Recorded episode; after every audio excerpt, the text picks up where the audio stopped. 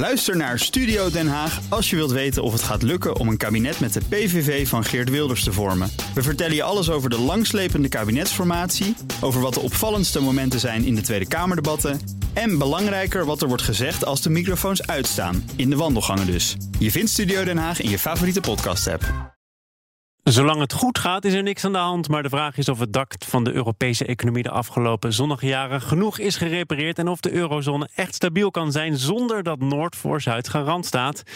We praten daarover in aanloop naar de Europese verkiezingen met het economenpanel bestaande uit Steven Brakman, hoogleraar internationale economie aan de Rijksuniversiteit Groningen. Sylvester Eifinger, hoogleraar financiële economie aan de Tilburg University.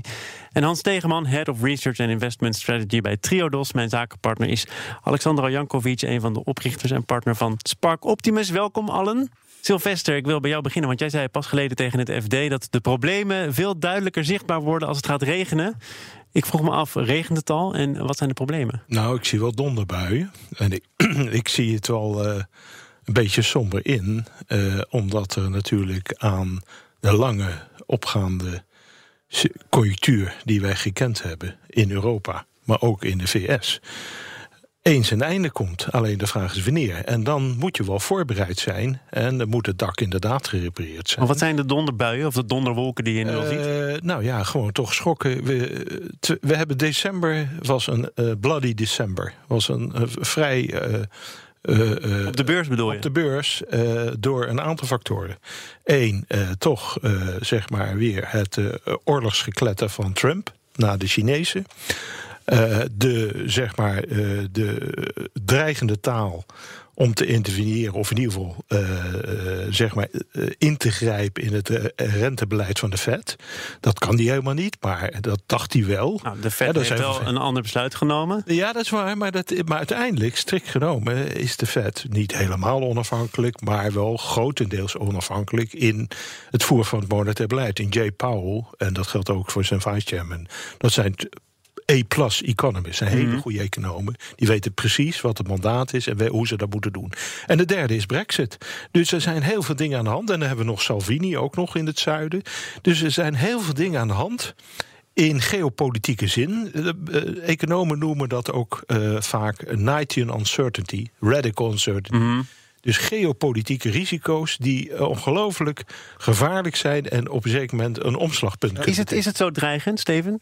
Nou ja, Sylvester die wijst op de conjunctuur heel terecht. Die noemt een aantal elementen die, uh, die als donkere wolken boven ons zweven. Ik wijs ook op de muntunie.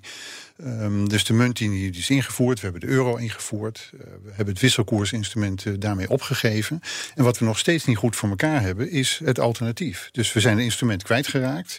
Wat is daarvoor in de plaats gekomen? Nou ja, je kunt teruggrijpen op de theorie van de optimale valutagebieden. Uh, die dat geeft een richtsnoer voor wat er zou moeten hebben gebeuren. Nou, dat is niet gebeurd. En daar zit ook een donkere wolk. Dus het verlies van het wisselkoersinstrument betekent dat je een paar dingen moet accepteren.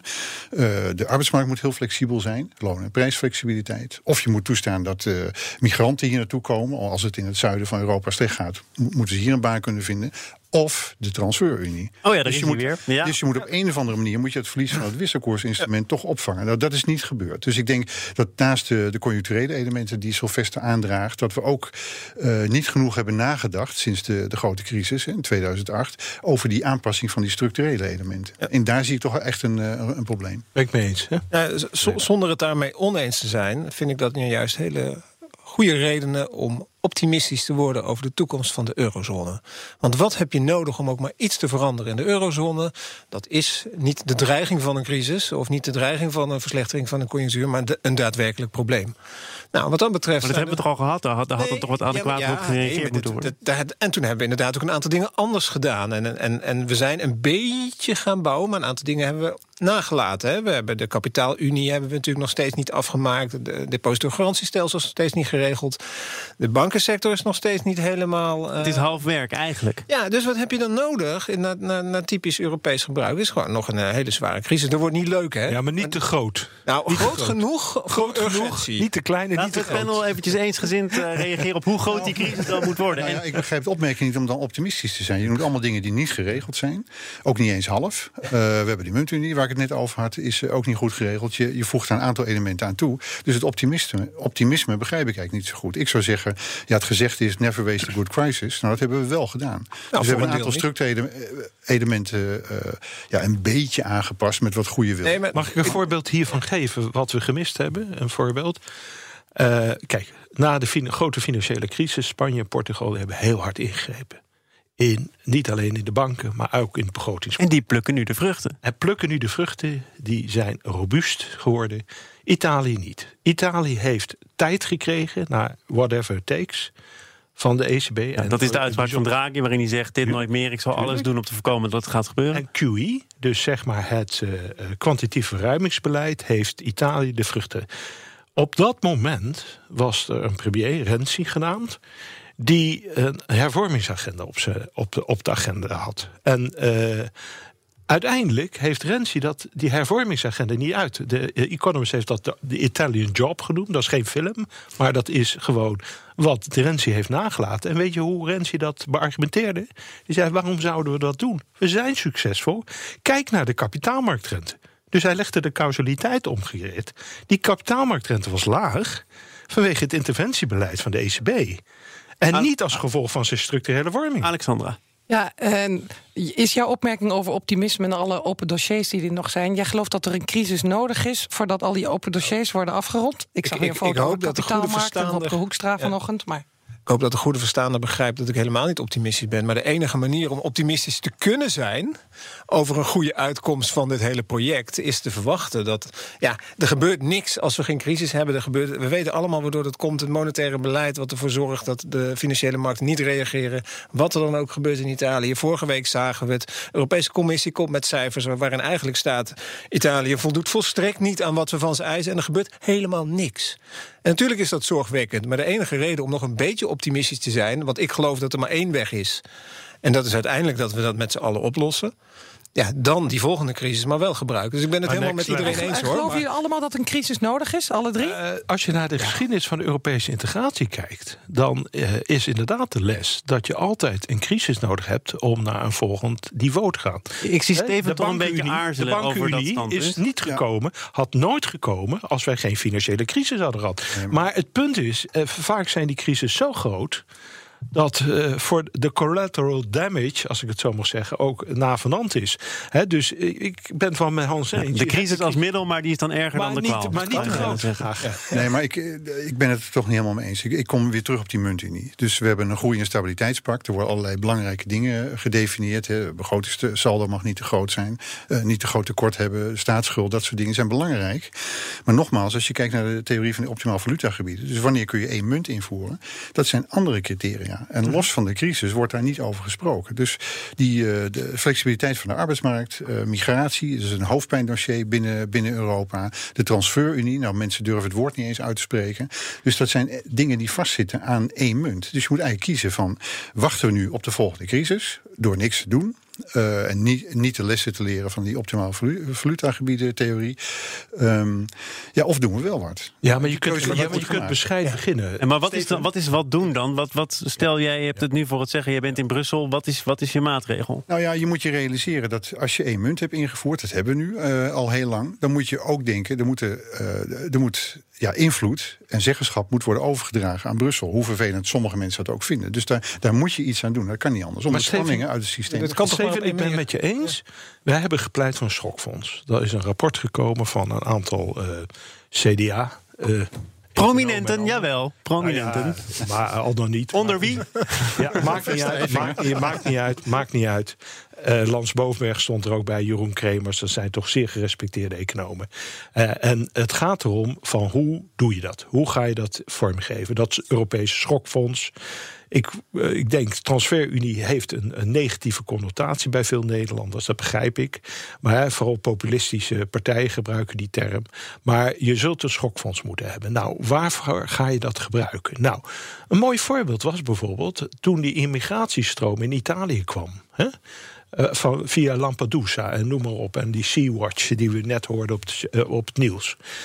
Eh, toen kreeg eh, Italië wel wat wij noemen idiosyncratische schok. Die kreeg toch wel een behoorlijke schok voor ze kiezen. Waar ze niet zoveel aan konden doen. En wat puur te maken had met hun eh, eh, geografische ligging. Nou, dan had je op dat moment kunnen zeggen van... hé, hey, die kan de Italianen kunnen er niet zoveel aan doen. Hoe kunnen we nou de Italianen helpen om deze schok op te vangen? Dan was er waarschijnlijk waarschijnlijk, ik, ik, ben geen voorspeller, maar geen populistische regering à la Salvini. Als het, als het noorden, daar het zuiden, als dat zeggen, Italië te hulp als was dat goed opgelost was geworden. En daar bedoel ik dus een schokfonds. Het term transferunie heeft een hele eh, moeilijke. Sommigen praten over een brandverzekering. Mag ik er nog een, uh, een CDA-prominent uh, aan toevoegen, namelijk Wopke Hoekstra, ja. minister van Financiën, ja. die uh, de Hanse-liga aanvoert, Wopke en de Zeven Dwergen, die toch wat kritischer is ja, ja, ja, ja. op maar, hoe Noord en Zuid... Heb je ook zijn Humboldt-lezing gelezen? Ik heb daar fragmenten van gezien en zijn Moet toelichting ook. Moet je echt lezen. Dat vind ik heel genuanceerd. Uit, uit mijn oude, eigen universiteit. Ik ben daar 24 jaar geleden ooit hoogleraar geworden. dus het is heel bijzonder. en maar hij zegt, ik ben voorstander van, van hij Europa. Hij heeft het over rechten en plichten. Mm -hmm. Dus hij wil een balans zien. Hij is niet tegen op een zeker moment het elkaar helpen in het opvangen van die schokken. Maar hij zegt heel duidelijk: ja, maar dan stellen wij voorwaarden. Kijk, zo'n schokfonds, wat nu het ESM eigenlijk fungeert, crisismanagement, ja. kan omgebouwd worden tot de Europese Monetair Fonds. Uh, het maakt me niet uit hoe je het noemt trouwens. Hoor. Nou, dat maakt Wopke Hoekstra volgens mij wel uit. Ja, maar ik denk dat het omgaat om de, om de balans tussen recht en plichten. Als je die Humboldt-lezing van hem leest, dan zegt hij: ik ben niet tegen next level, wat Macron wil en wat Merkel willen. En eigenlijk na de Europese verkiezingen gaat die discussie losbarsten. Dat kan ik je nu al zeggen, want Macron die wil dat. Maar er moet een balans zijn tussen recht en plichten. En dat is waar. Maar je goed, kunt niet nog dikke middelvinger opsteken Nee. naar Europa als Salvini. En van zeggen, jullie bekijken. Ik steek geen middelvinger op. Ik wijs wel even naar Steven Brakman voor een laatste reactie op dit Nou ja, thema. Sy- Sylvester noemt heel terecht eh, dat je het kunt vergelijken met een brandverzekering. Dus een brandverzekering op Euro- Europees niveau. Je moet nou eenmaal accepteren dat bij sommigen het huis in brand staat, bij anderen niet. Nou, gezamenlijk financier je dat. Dat als iemand het lot treft, dan eh, draag je geld af en help je zo'n persoon. Nou, dat geldt dus ook in Europees verband. Je moet op een of andere manier toch bereid zijn om die spanningen binnen zo'n gebied weg te nemen. Nou, eh, hoe je het ook noemt, maar in ieder geval over, gel- inkomensoverdrachten horen daarbij. Dat is nu eenmaal de Zeker. Daar heb je crisis voor nodig. We gaan praten over de Monitor Brede Welvaart. Die is gepresenteerd door het CBS vorige week. Een rapport met als insteek hoe het in Nederland gaat. Als we verder kijken dan alleen het bruto binnenlands product. En het gaat goed op de meeste vlakken. Op één vlak echter gaat het heel erg slecht. En dat is onze ecologische voetafdruk. Ongeveer in lijn met een VN-rapport over de natuur eerder deze maand. Concludeert ook dat die natuur, de biodiversiteit, eh, hard achteruit gaat. En Hans, jij wees op een zinnetje in een VN-rapport waar werd gepleit om het financieel-economische systeem grondig te verbouwen en in ieder geval af te stappen van groei als belangrijkste paradigma. Ja, nee, ik- vond het wel opvallend. Het was in het rapport dat ging over, over biodiversiteit, waar eigenlijk gelijk aan het IPCC-rapport, wat gaat over klimaat, werd, eh, haalde dat zinnetje zelfs de samenvatting. En als je kijkt naar al die IPCC-klimaatscenario's, daar, daar begint eigenlijk elk scenario toch gewoon met groeien. Hè? Dat, hè, is eigenlijk de restrictie waaraan alles al moet voldoen. En zij zeggen eigenlijk, ja, dat is leuk. En met CO2 kan je dat misschien nog wel realiseren, groei en eh, ontkoppeling van CO2. Maar met de biodiversiteit gaat dat niet lukken. En dat wordt vervolgens natuurlijk volkomen doodgezwegen. En ook in de, de monitor Brede Welvaart vorige week in Nederland... de- die eigenlijk nou nog net de krant haalde... maar dan heb je het wel zo'n beetje gehad. En als je dat goed leest, dat hele ding... Ja, dan, dan, dan staat daar niet in wat je. de- urgentie dringt daar niet in door. Want we zien nog steeds allemaal groene stukjes als het gaat over later. Ja, ze hebben van die, tegenwoordig is dat zo. Hè, van, wil je iets laten. iets makkelijk maken, dan maak je infographics. En dan sla je de boodschap plat. En dan wordt het groen of rood. En dan is er een heleboel groen, ook voor later. En dan denk je van ja. Oké, eh, waarom is het groen? Omdat het de goede kant op gaat. Maar de, de goede kant is niet dat het goed genoeg is om het houdbaar te maken voor later. Steven, Nou, ik- denk dat we een hele goede taakverdeling hebben afgesproken. Het CBS die komt nu met die eh, monitor brede welvaart. Er zitten 44 variabelen in. eh, de, de ene stijgt, de andere daalt. Eh, maar het CBS constateert dat. Die heeft ons laten zien dat eh, welvaart iets meer is dan bruto, br- bruto binnenlands product. Geeft die, eh, die cijfers. En daarmee zijn ze klaar. Vervolgens is het de taak van de planbureaus om een analyse eh, erop los te laten. En de politiek als, eh, als derde partij om een keus te maken. Ja. En ik denk dat je dat, dat wel een beetje van elkaar moet onderscheiden. Dat het CBS die constateert, Die meet. die meet. Ja, Dan heb je het planbureaus hebben daar alweer kritiek op geuit volgens mij. nou, die hebben aanvulling. Die, die hebben dus heel, heel terecht gewezen. Wat kun je er nou mee? Eh, waar moet je op letten? Wat zijn de gevaren van, van, zo- van die 44 variabelen? Nou ja, dan moet de politiek kiezen. En waar jij op wijst, is dat eh, de, biodiversiteit, als dat een heel groot issue is, ja, dan is het aan de politiek om dan te zeggen: we gaan nu eh, de verkeerde kant op, daar moeten we wat aan doen. Nee, Ja. maar mijn, mijn probleem is dat het CBS, ik vind inderdaad de taak van het CBS is registreren en de cijfers geven. Door een versimpeling te geven van een conclusie. En dat is ook trouwens een kritiek die je terugziet in de brieven van de planbureaus. Eh, suggereren ze daarmee, do- door, het gewoon groen te- door dingen gewoon groen te maken. En dan zeggen ze wel netjes bij waarom we het groen maken en dat soort dingen. Maar een politicus leest, dat is groen, is goed, daar hoeven we ons geen zorgen over te maken. En dat vind ik dus al eigenlijk te ver gaan voor het CBS. Ja, maar mag Nou, ik hier even... ja, oh, sorry. Oh, sorry. Nee, ga maar. Nee, het is meer. Ik denk natuurlijk dat eh, volgens mij in het algemeen is de urgentie wel duidelijk geworden van een aantal dat de dat we achterlopen in termen van eh, ecologische voetafdruk. En de vraag is nu: zou dat nu niet in de vervolgplannen eh, veel meer nadruk moeten komen op innovaties die nodig zijn om die te verkleinen? En dat Nederland daar enorm in zou moeten investeren. Maar daarvoor moet je eerst, afgezien van het meten, wat heel belangrijk is, CBS meet. Hè? Ex post, meet. Dan heb je de planbureaus. Nou, het CPB heeft zeer veel ervaring met modellen, met voorspellen. Eh, Daar kun je kritiek op hebben, maar ik zal nooit kritiek hebben op de transparantie en de verantwoording van het CPB. Dat doen ze keurig. Ze zeggen ook welke onzekerheidsmarges zijn. Bij het Planbureau voor de Leefomgeving hebben we toch wel wat probleempjes gehad. Ten eerste, welke steekproef hebben we het nou? Waar is het model? Ja, het model is van een of ander bureau wat niet gepubliceerd mag worden. Dus het is totaal onduidelijk. Wat, het is een black box. En black box, al die berekeningen van Planbureau voor de Leefomgeving. Nou, afgezien dat ze niet de accurate eh, eh, sample hebben, steekproef is het ook niet traceerbaar wat op een zeker moment die modellen op een zeker moment precies berekenen. Want daar hebben ze nog niet genoeg ervaring voor, dus dat hebben ze uitbesteed. Kijk, we moeten wel transparant zijn in op moment die keuzes. En dan is het aan de politiek om de gewichten erop Nou, te precies. En ik wil even terug naar die kern van de zaak. Want Alexandra, jij zegt net, nou, de urgentie is wel duidelijk. Hè? De biodiversiteit holt achteruit. Ik vraag me af, Hans, hoe erg vinden mensen dat? Ik vraag het me ook af. En ik vraag het me ook, want dit, dit heeft een directe relatie met hoe wij omgaan met, eh, met de, de klimaattafels. Die, ik, ik weet niet wat we nu aan het doen zijn, maar ik heb nog geen eh, definitief akkoord gezien. De absolute restrictie, ook met al dit soort plannen, blijkt toch elke keer zijn: het mag ons nu geen geld kosten. En dat is de directe link met die doorrekening. Als wij niet duidelijk kunnen laten zien, ook door het CBS en ook dat de planbureaus iets beters mee kunnen dan een brief schrijven, als dat gewoon niet lukt. En dan blijft het de status quo. En dus dat we zeggen van ja, maar het mag ons geen geld kosten. Dan zeggen we dus gewoon van ja, eh, materiële welvaart nu is veel belangrijker dan biodiversiteit of klimaatverandering of Dat wat dan komt ook. omdat dat zien we laat, wel. laat ik een voorbeeld noemen. De, de, de, de brief van die 70 economen over de CO2-heffing. Ja. Mooi voorbeeld.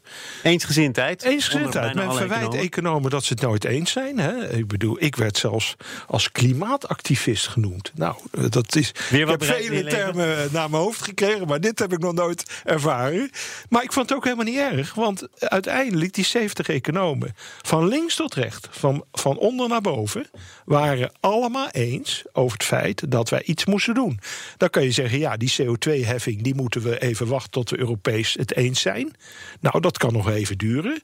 Dus met andere woorden, je moet ergens beginnen. Ja, je Maar, maar begint- Steven, is het niet heel simpel? Je kunt niet betalen met biodiversiteit. En ik heb, mensen hebben nu geld nodig. Koopkrachtplaatjes zijn belangrijk. Nee, maar Nee, maar die dat is het- CO2-heffing nee, maar- is Nee, gewoon maar, maar dat is een het goede van, van goede prikkel. Ja, maar dat is het goede van die monitor brede welvaart. Ook de Ja. discussie die Hans aanzwengelt. Ja. Is dat je zegt van we groeien, we le- beleven een hoogconjunctuur op dit moment.